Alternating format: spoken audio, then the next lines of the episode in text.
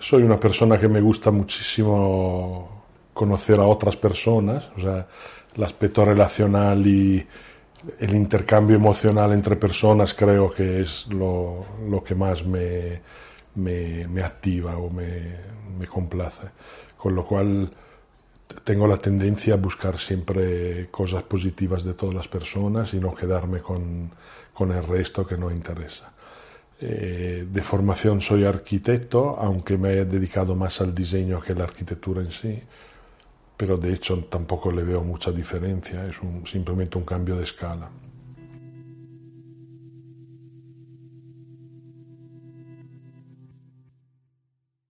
Y me moví en el, a mitad de los años 80 de, de, una ciudad de provincia, de Reggio Emilia, para estudiar eh, arquitectura en Milán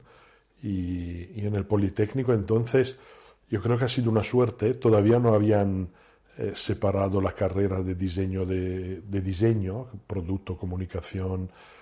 de la carrera de arquitectura. Estábamos dentro del Politécnico, era la carrera, era la facultad de arquitectura y, y, ahí se hacía un poco de todo, desde comunicación visual, interiorismo a proyecto arquitectónico. Y sobre todo en los primeros dos años, en cursos superiores a los que yo no podía teóricamente acceder, todavía daban clases pues Castiglioni Magistretti, eh, Mari, Munari, Corrado Levi, había personas que yo ya, ya conocía porque en casa habíamos tenido alguna publicación o algún producto y se hablaba había como un interés previo en casa de mis padres y me interesaban. Y entonces hacía campana de una clase para entrar en otra y, así puntualmente asistía a clases de estos personajes que en aquel momento tampoco tenía completa constancia de, quién eran y cómo, pero ha sido como importante. En Milán, eh, alrededor de la profesión y la facultad de arquitectura, pues hay, hay un, tejido eh, el mueble, el diseño de producto, que es muy interesante. Entonces era salir de la facultad para irse a una inauguración o ver... Eh, y en ese momento estaba en pleno auge toda la época radical postmodernista de alquimia de, de Memphis, que ponía un poco en crisis el buen diseño italiano de estos personajes. Y entonces era, era como recibir estímulos muy distintos y muy críticos uno con el otro. Al empezar a tomar contactos aquí en Barcelona, lo primero que hice fue eh, presentarme en Elisava y proponerme para colaborar desde Milán antes de dar clases. Y para temas de diseño le propusimos a, a Enric Brical y a Jordi Pericot, que eran entonces el director y el cap de estudios,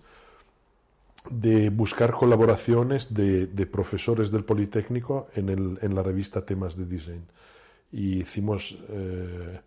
provocamos, digamos, algún artículo de Tomás Maldonado, de, creo que de, de Munari, de, algún profesor de estos, que, y fue también una excusa para ir y, y presentarse o poder estar con ellos y pedirle colaborar. Yo vine básicamente porque conocía a la que ahora es mi mujer eh, en Estados Unidos y me quería acercar. Eh, y vine aquí, contacté con Elisaba. El, Enrique Brical fue de las primeras personas que me dio crédito sin conocerme, o sea, directamente me, eh, me pidió de colaborar, de hacer un seminario sobre diseño italiano, luego me pidió de ser coordinador y de ahí empezó toda la actividad en Elisaba que ha ido creciendo y estabilizándose últimamente.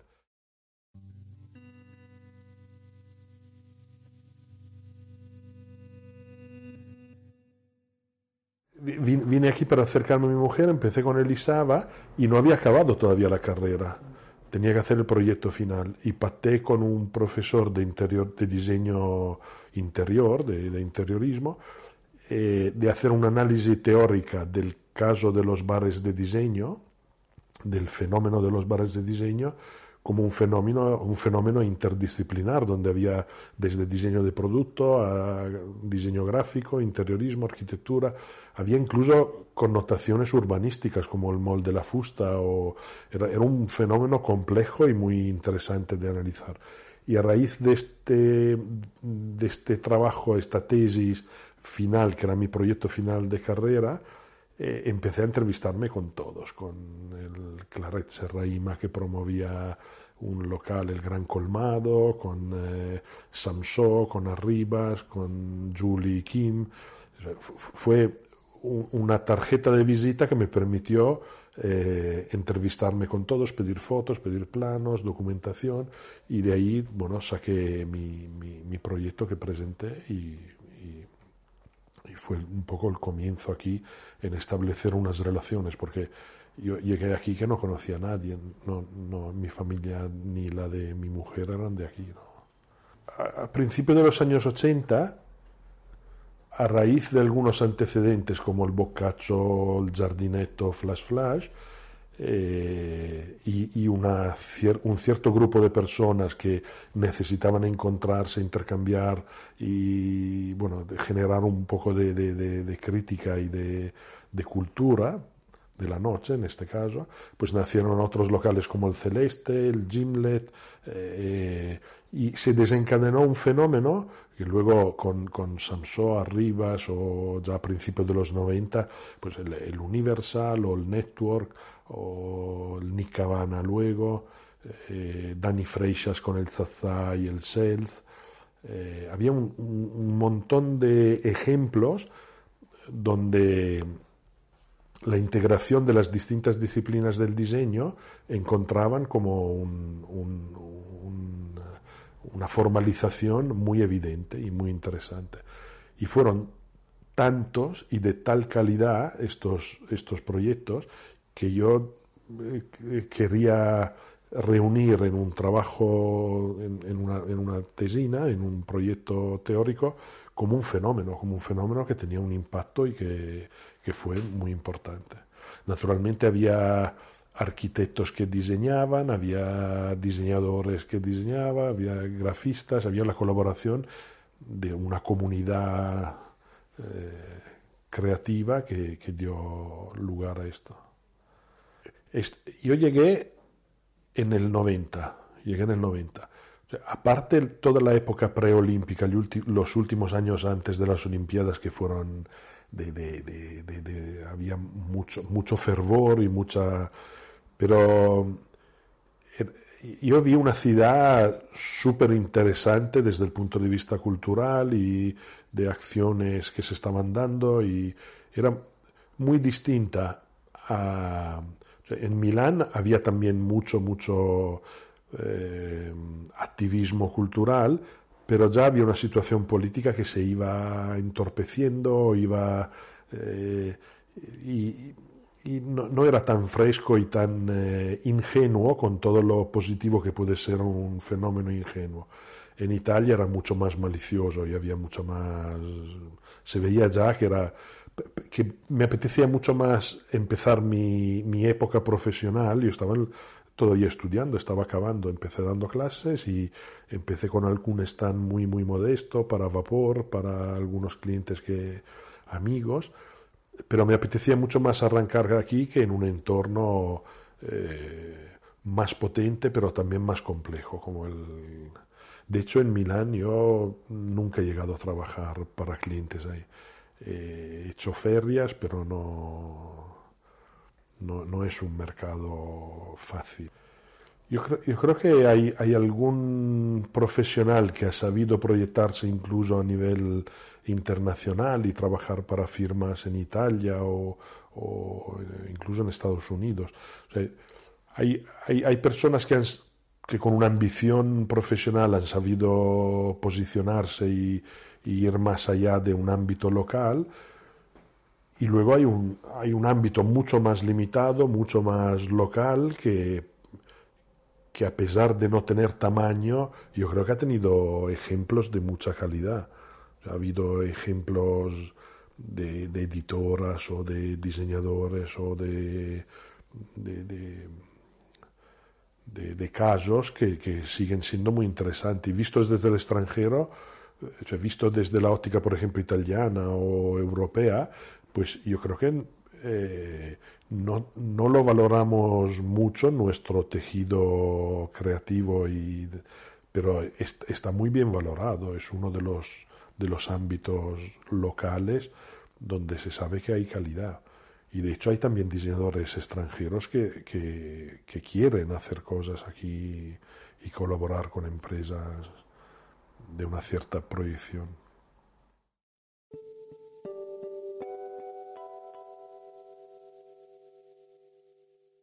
No, yo por, por, la formación esta de la Facultad de Arquitectura en Milán, antes de que se separara diseño de arquitectura, ya había hecho diseño de producto, comunicación, interiorismo y arquitectura. Yo venía eh, con la intención de hacer lo que me interesaba todo. De hecho, al llegar aquí, casualmente conocí en una cena a Luis Porqueras y me pidió de ir a su estudio en Poblenou, eh, donde tenía vapor con Jaume Vaquero, y el día siguiente me presentó a Joan Gaspar, que era un, un, joven que no había acabado ni siquiera la carrera de diseño industrial, y con el que él quería montar un despacho que se llamaba Tabula Rasa y me invitó a participar, eh, cosa que era un poco crítica porque no había ni no, no, había trabajo para dos y invitó a un tercero que le parecía interesante que estuviera. Y nos juntamos Luis, Joan y yo durante unos años y hicimos algún producto para miscelánea, un cenicero que diseñamos, o algún producto para Santa Icole y para Belux en el País Vasco, iluminación. Y mientras tanto Luis tiraba adelante con Jaume Vapor, que fue adquirida luego por Marset y fue el comienzo del cambio de Marset que, a, lo que conocemos ahora. Y hacía algo de producto, algo de stands, eh, luego interiorismo, empecé así. Joan y Luis se habían formado en los talleres, o sea, la, cultura eh, industrial de talleres artesanos del no eran como muy activo, muy, muy, muy, eh, era todo muy acelerado y muy también desordenado, ¿eh? no, pero fue muy interesante. No, yo creo que Luis vio en mí un perfil más, más reflexivo, más eh, bueno, le, interesó y nos juntamos sin, sin tener eh, mucho que hacer, pero empezamos a, a, proponer diseños y algunos se llegó a producir. Y, nada, luego, luego siguieron ellos, eh, entró a hacer parte del catálogo de Marset y yo por, acabé la, la facultad, que no la tenía acabada entonces, y mantuvimos una relación a pesar de no, de no tener el despacho juntos.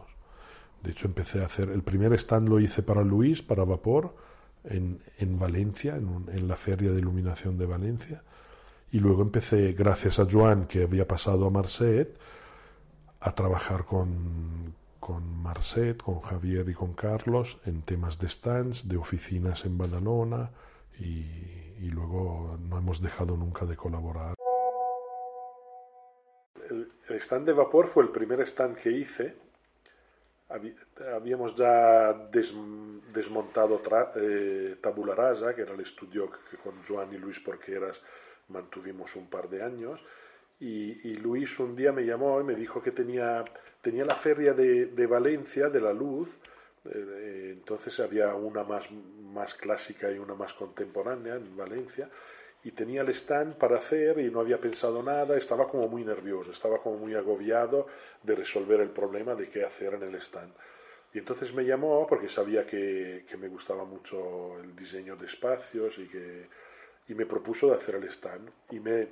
me recibió enfrente del despacho de vapor en la, en la calle Ciudad de Granada, y en, en Poblenou, enfrente en el almacén y, había un envío de lámparas de vapor, eh, me parece que era la Diana, para un hotel en Portugal. Y había como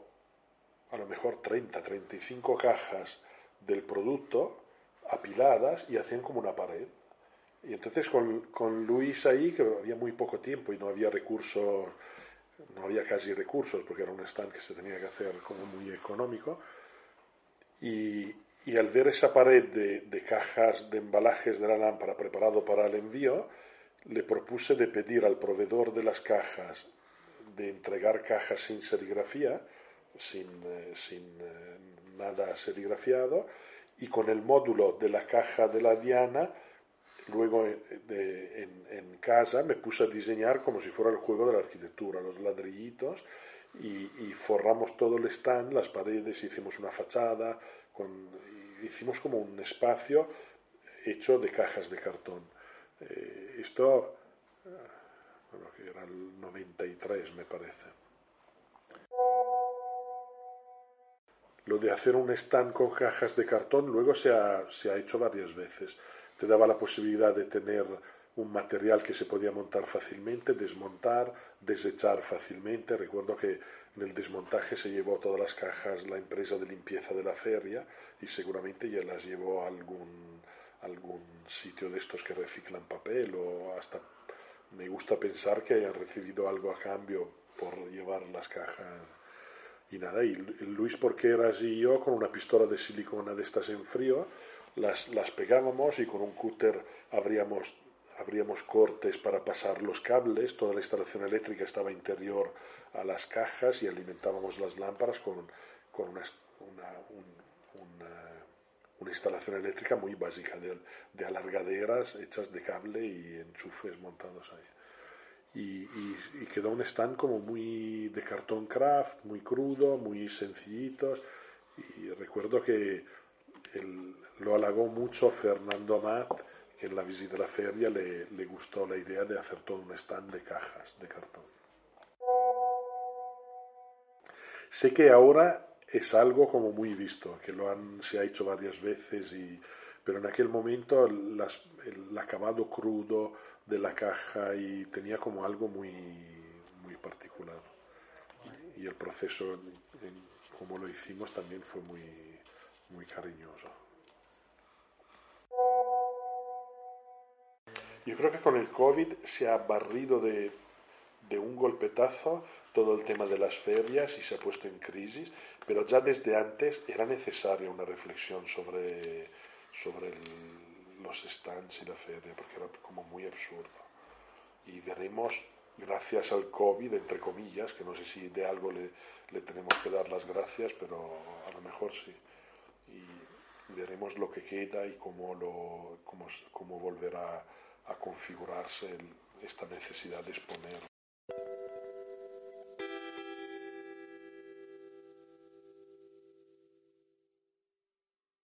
dentro de la curiosidad que me, me alimenta en varios ámbitos, en, en, la música, en la gastronomía o en el viajar. O sea, yo creo que ser curioso es, es algo que es muy importante para el trabajo que hacemos, porque te mantiene como vivo y, receptivo a estímulos que si no eres curioso no, no recibirías. Y, entonces la, la curiosidad por las personas o la necesidad de profundizar con, con las personas que conoces y de, de, poder conocerlas y de que haya un intercambio de... Al final es, es un tema emotivo, ¿no? De, de, compartir cosas o de coincidir o no coincidir, pero de compartirlas. Y para mí esto es importantísimo. O sea, no, de, de, momento no, no descarto a nadie porque hay algún aspecto de su carácter que no me parezca bien. En, en, todas las personas que conozco hay cosas que no me parecen bien y es normal, pero si te paras en eso, las pierdes todas y pierdes personas que son importantísimas o que te pueden aportar o que puedes aportar tú a ellas también, porque no es solo una cuestión de recibir, sino de, de tener la oportunidad de, de, de, dar también. Y entonces tengo la, tengo la tendencia de, de, de, ir buscando siempre algo de interés en una persona, aunque aparentemente eh, vista raro, sea extraño o, o, o, no sea simpático incluso. Uno no tiene por qué pararse en, una persona que te da, te puede molestar, pero detrás a lo mejor hay muchas cosas que, que te impiden ver esta primera lectura y, de ahí de ahí que sin descartar eh, generaciones o tipos de personas, pues vas construyendo una red de, de, relaciones, ¿eh? de amistades y de relaciones. Y es, yo creo que es súper importante. Y también ponerlas en contacto una con la otra, o sea, que, que, la gente se conozca y facilitar de pasar estos prejuicios y ir más allá de lo que es evidente y a veces equívoco, es, es algo que me apasiona.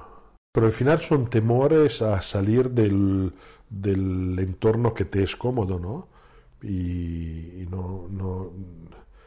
te limita. Estos temores al final te limitan. yo, es lo que decías, mi, hijo me, me, invita muchas veces a ir a visitar una cosa o, o me habla de, de, personas que al principio no, no capto, pero luego al cabo de unos meses, porque he oído hablar de, de esa persona o de ese rapero o de ese yo conozco a Virgila Blog gracias a mi hijo que tiene, que tiene 16 años y el pobre chaval me, me habló de él durante no sé cuántas veces y no, no, no le hacía caso porque no lo, no lo entendía, no llegaba... Y luego un amigo me habló de él, empecé a atar cabo, empecé a investigar y rascar un poco y resulta que, que, que hay realidades con, con la que no entraríamos en contacto si no eres capaz de, comunicarte con gente muy distinta a ti o de edad muy distinta. ¿no? Y esto pasa con alumnos que son muy jóvenes, pero que detectas que tienen una visión que intuyes que es interesante y entonces intentas profundizar para ver si, si te queda algo de... Y eso también es el gran valor o la gran oportunidad de dar clases a gente joven y, no sé, creo, creo que lo que puedo enseñar a alumnos de la escuela Elisaba donde enseño eh, nunca es más de lo que puedo aprender de algunos de ellos o de ellos en general, porque hay, hay como un intercambio de, de información y de estímulos que es interesantísima. Pero al final tiene, tiene que ver con empatía, con la generosidad o con el, gusto de, de, producir gusto, ¿sabes? O sea, si tú, si tú disfrutas teniendo a los amigos en casa y cocinando para ellos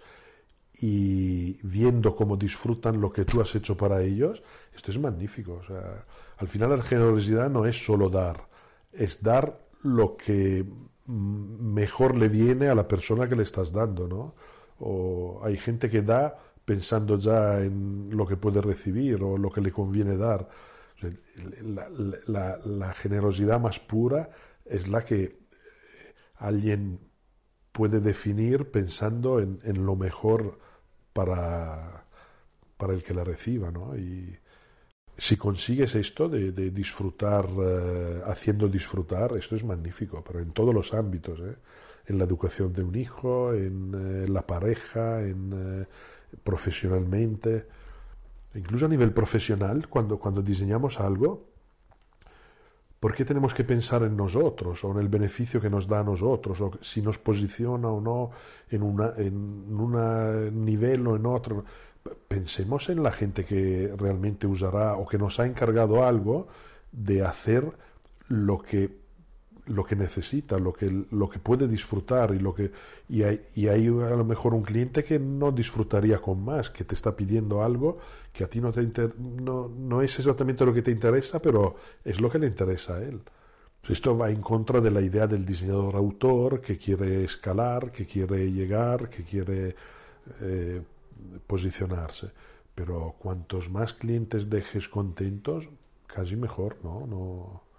también puedes educarles, ¿eh? Eh, y es una cosa que hay que ir estirando del elástico. Pedirle a los clientes cada vez más, o eh, pedirle un esfuerzo de, ir progresando, de, generar un discurso que va avanzando. Y esto, por ejemplo, con los clientes habituales, cuando tú eres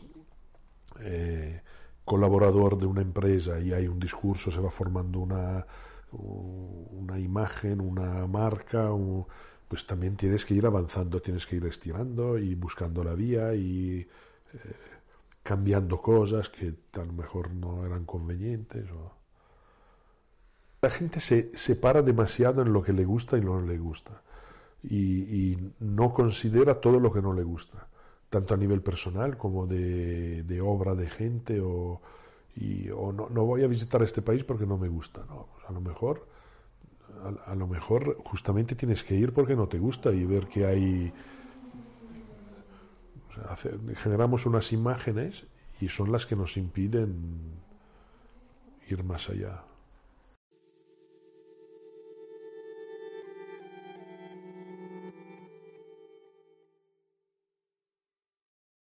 También en el diseño,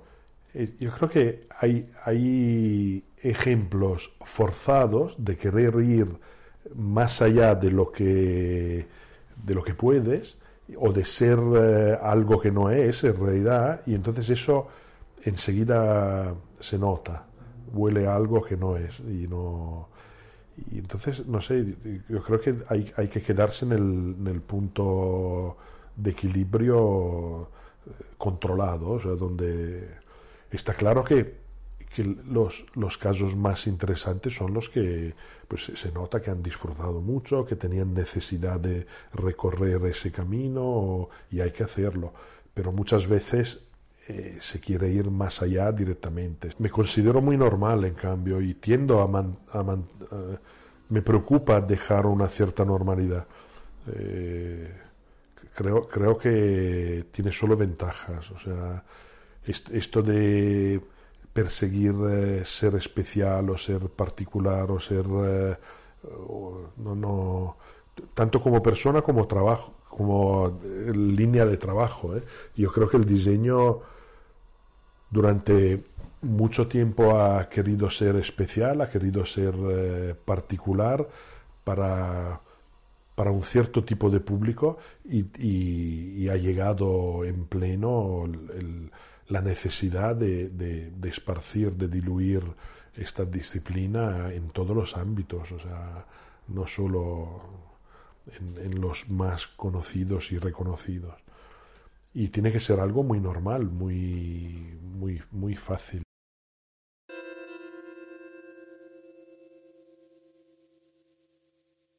es un gusto que te gusten las cosas y es una suerte.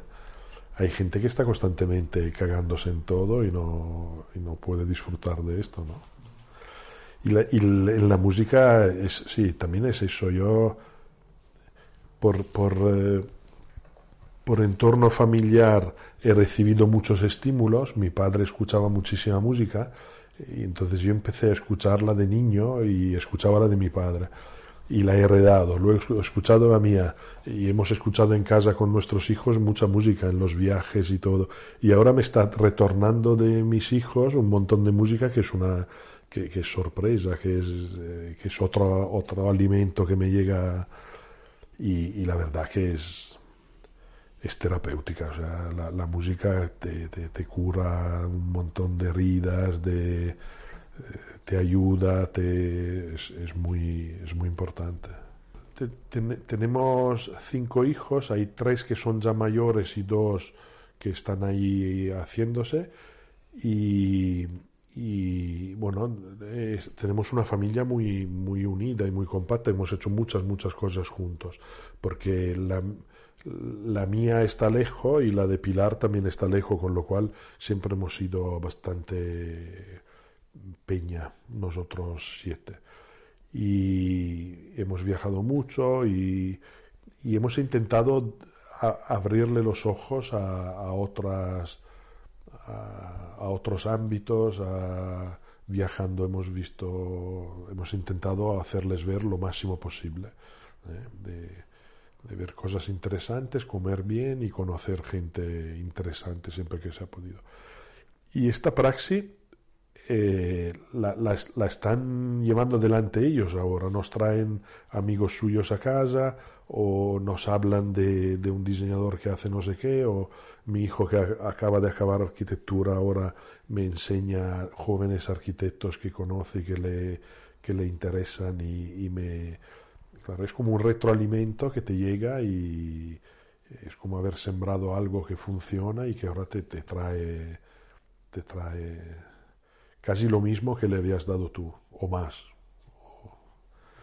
y es, es interesante. los viajes, yo creo que es, es, es, como muy sencillo. Cuando, cuando te encuentras en un lugar que no es el tuyo y sales de, de, esta eh, situación habitual o bueno, el famoso confort eh, de cada uno, pues yo creo que se te encienden eh, receptores y eres más curioso, eres más permeable y te cuestionas más las cosas, con lo cual siempre viajar en otro entorno es, es muy proficuo porque eres eh, receptivo. Y, esto para una persona curiosa es casi una necesidad de vez en cuando irte, cambiar de lugar y conocer gente nueva y, y ver cosas nuevas.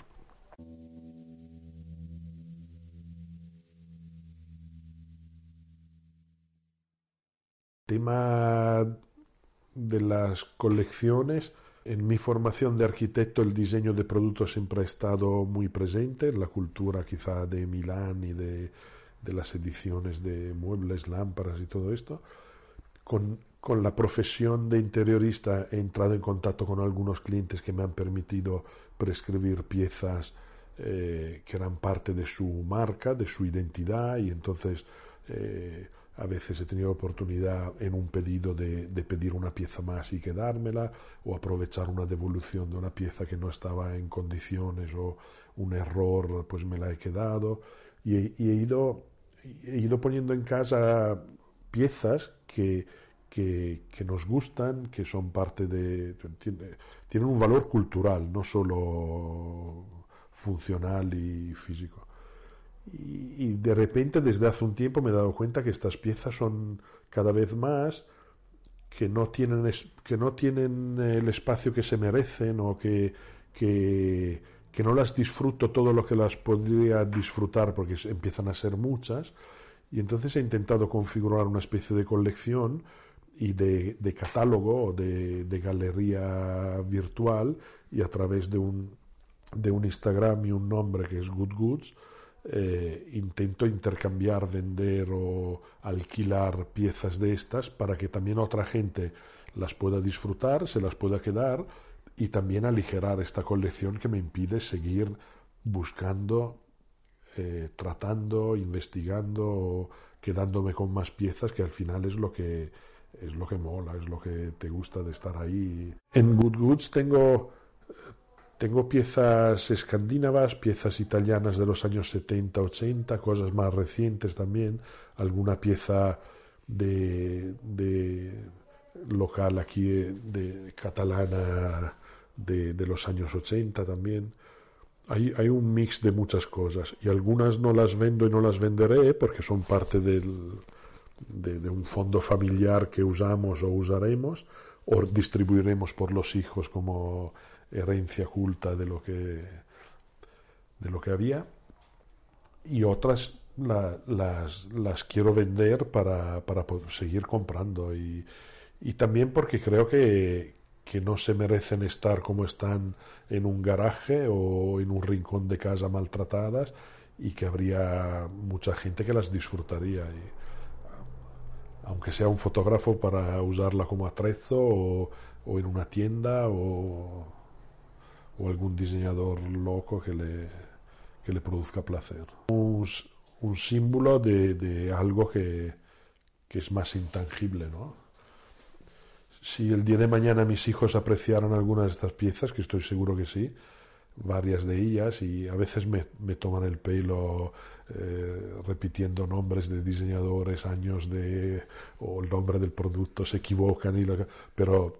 sí sí que está y los aprecian y, si el día de mañana le queda algo de esto, está, está muy bien. La mayoría son a partir de los 60, 70 y hay alguna más reciente, pero hay mucho plástico, hay mucho plástico viejo y y me he encontrado a veces con el prejuicio de algún colegio que me ha dicho, no, es que esta silla de plástico no mola porque ahora el plástico no sé qué, porque no es ecológico, porque el, no plástico en, absoluto es algo que, que es, un poco, es un poco estúpido. Está, está bien que dejemos de producir plástico, está muy bien que dejemos de tirarlo, porque al final el problema es tirarlo, pero una pieza de plástico de los años 70 que ha sobrevivido hasta ahora, si le podemos dar 20 años más de uso y disfrutarlo 20 años más, yo no le veo un problema, al revés, creo que prefiero seguir usando una silla de plástico de los 70 que comprar una silla de madera de Ikea que a lo mejor la han hecho en un lugar eh, aprovechándose de gente que lo necesitaba o que no sé. Pues quizá la, la, la, pieza que prefiero de todas las que tenemos en Good Goods es una butaca de cártel de Gaulenti, la 4794, y la, la compré en, un, en una página de estas de segunda mano en Italia y fui a recogerla en un viaje en el que eh, pasamos por varias ciudades en Italia a recoger piezas de estas que había regateado y, y comprado anteriormente por página web. Y me la entregó la, la mujer del propietario en un, en un bloque de viviendas en Livorno, en un barrio cerca del puerto que estaba muy bien, era como muy, muy italiano, muy,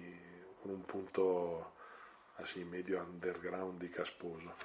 Y, y nada, me la, me la, entregó así en mano, me encontré en el ascensor no entraba, me la tuve que meter en la cabeza y bajar todas las escaleras. Y ahí mismo en la calle la puse en la acera, le hice dos fotos y para ver en qué estado estaba, porque el momento en que te llevas algo de las personas que te lo están vendiendo, tiene, tiene un punto así un poco de que te estás llevando parte de, de su casa o de, de, historia y que es bonito, pero también a veces tiene, así como el momento en que la cedes a otro, que la llegas a vender, te gusta siempre saber quién es el que la compra y si realmente tiene sabe lo que está comprando o lo va a disfrutar y es algo que siempre me da un punto de preocupación y esa recogida fue muy bonita. Es una pieza, es de cártel, con lo cual teóricamente es de plástico, pero en realidad es una espuma, es una especie de poliuretano que al tacto parece, parece más madera que plástico. Me recuerdo un material que se hizo aquí en España hace muchos años, que era el maderón, que venía de la cáscara de, almendra, un material que se hacía en el Levante y al tacto y el peso que tiene y los gruesos, porque no es un plástico sutil y no tiene este punto frío del plástico plástico o de la fibra. Es, es, muy bonito, tiene una densidad que, y un grueso y es negra muy mate y tiene un juego de filetes precioso, porque en la pata suben tres filetes y uno pasa por delante del asiento, el otro se va por el brazo hasta el respaldo y el otro cae en la pata detrás. Tiene un, un gesto neoclásico de filetes que es muy bonito.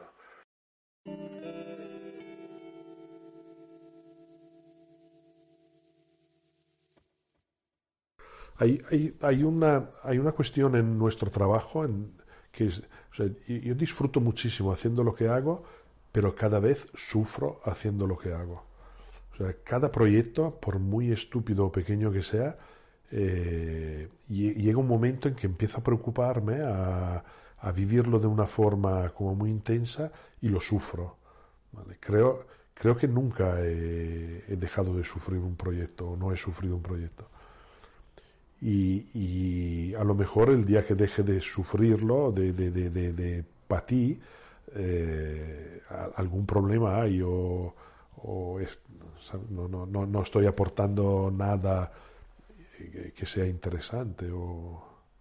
o, debería preocuparme de sufrirlo. Pero al mismo tiempo hay, hay, que disfrutarlos, es una profesión para disfrutar, te hace conocer gente magnífica, entras en contacto desde lo más arriba lo más abajo y todo es súper eh, necesario y, y, formativo. Y no dejas de aprender nunca, o sea, nunca, nunca. Estás siempre buscando cosas nuevas y, es magnífico. Quizá es, es un proyecto pequeño y ha sido un proyecto que también al principio no le di mucha importancia porque no entendía bien cuando me propusieron de hacerlo. Esto viene de un, de un, un estudio de arquitectura técnica eh, que gestiona toda la parte burocrática del concurso, de las mediciones, del control de los costes de la, de la obra, los tiempos y todo, y necesitaba un, eh, necesitaba un servicio concreto que era el tema del color, de hacer estudios de color específicos para cada colegio eh, y poder aplicar estos colores en las operaciones de repintar y de cambiar los revestimientos de un colegio. Con lo cual una operación que al principio parece ser eh, más propia de un ámbito de, manutención casi ordinaria del colegio, eh, desde el consorcio de educación pedían que hubiera una línea y que hubiera un, proyecto detrás de hacerlo bien, de rescatar las características propias de cada colegio, de que se, se borrara un poco este lenguaje hiperinfantil que cogen los colegios, que, que no, es, que no, es propio, y de hacer un fondo un poco más homogéneo, más, más agradable y más fácil de luego de contaminar con, con trabajos, con instalaciones de los alumnos, o que fuera un fondo más ordenado, más coherente. Y ha sido un proyecto de gran satisfacción porque hemos conocido a equipos docentes de dirección muy buenos, con mucha, con mucha vocación. Eh, hemos descubierto mucha calidad en los colegios públicos, cosa que no, no siempre queda claro. Y los resultados han sido muy satisfactorios con, con pocos. Al final, a veces, eh, más vale pensar bien lo que vas a hacer para luego hacerlo de una vez y con pocos recursos que que ponerse a, a pedir. A veces el diseño es cuestión de pensar y de ordenar cuatro cosas y, y el resultado puede ser eh, importante. Sí, sí, porque te das cuenta que luego hablas con el director y el director tiene sus, sus prejuicios que en realidad son, que pueden ser parte del sistema de proyecto. No te los tienes que tomar como un, un inconveniente, sino si entran a hacer parte del, del proyecto puede ser eh, un diálogo interesante. Y ha habido algunos directores que han sabido entrar con respeto y dejando tus competencias claras, pero lo han hecho muy bien. Y, y, el resultado del colegio en estos casos ha sido como mucho más. Hemos hecho fotos de algunos, no de todos, porque también había un budget muy limitado para las fotos y, luego al volver a ver todas las fotos te das cuenta que realmente lo que te pedían era eso y que, que ha funcionado muy bien. Y luego un detalle que no tiene nada que ver con el, con el proyecto, pero que he conocido un montón de rincones de la ciudad, de barrios, de lugares, incluso incómodos o no, no tan eh, conocidos de la ciudad, y que son magníficos y no sé, ir a almorzar en un bar en el Clot eh, al lado del colegio que hemos hecho ahí o, hay, hay, como lugares que no conocía y tener que ir cada semana durante tres meses te obliga a entrar en contacto con esto también.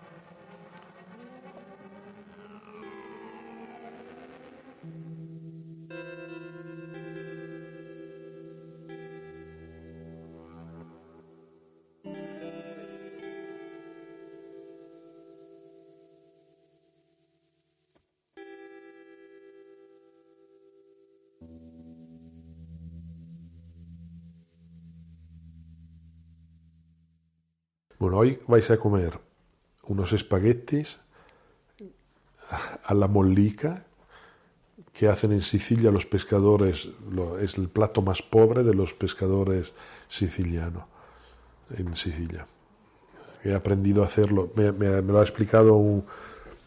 restaurante en Milán, siciliano, muy buenos donde vamos, un barrio muy, muy a las afueras de Milán y es un plato súper básico pero súper bonito, que estoy seguro que os gustará. Es un sofrito de ajo en aceite, pan rallado tostado en el, aceite caliente sin dejar que se queme y luego unas anchoas al final a fuego lento que se deshacen y le dan sabor de anchoa.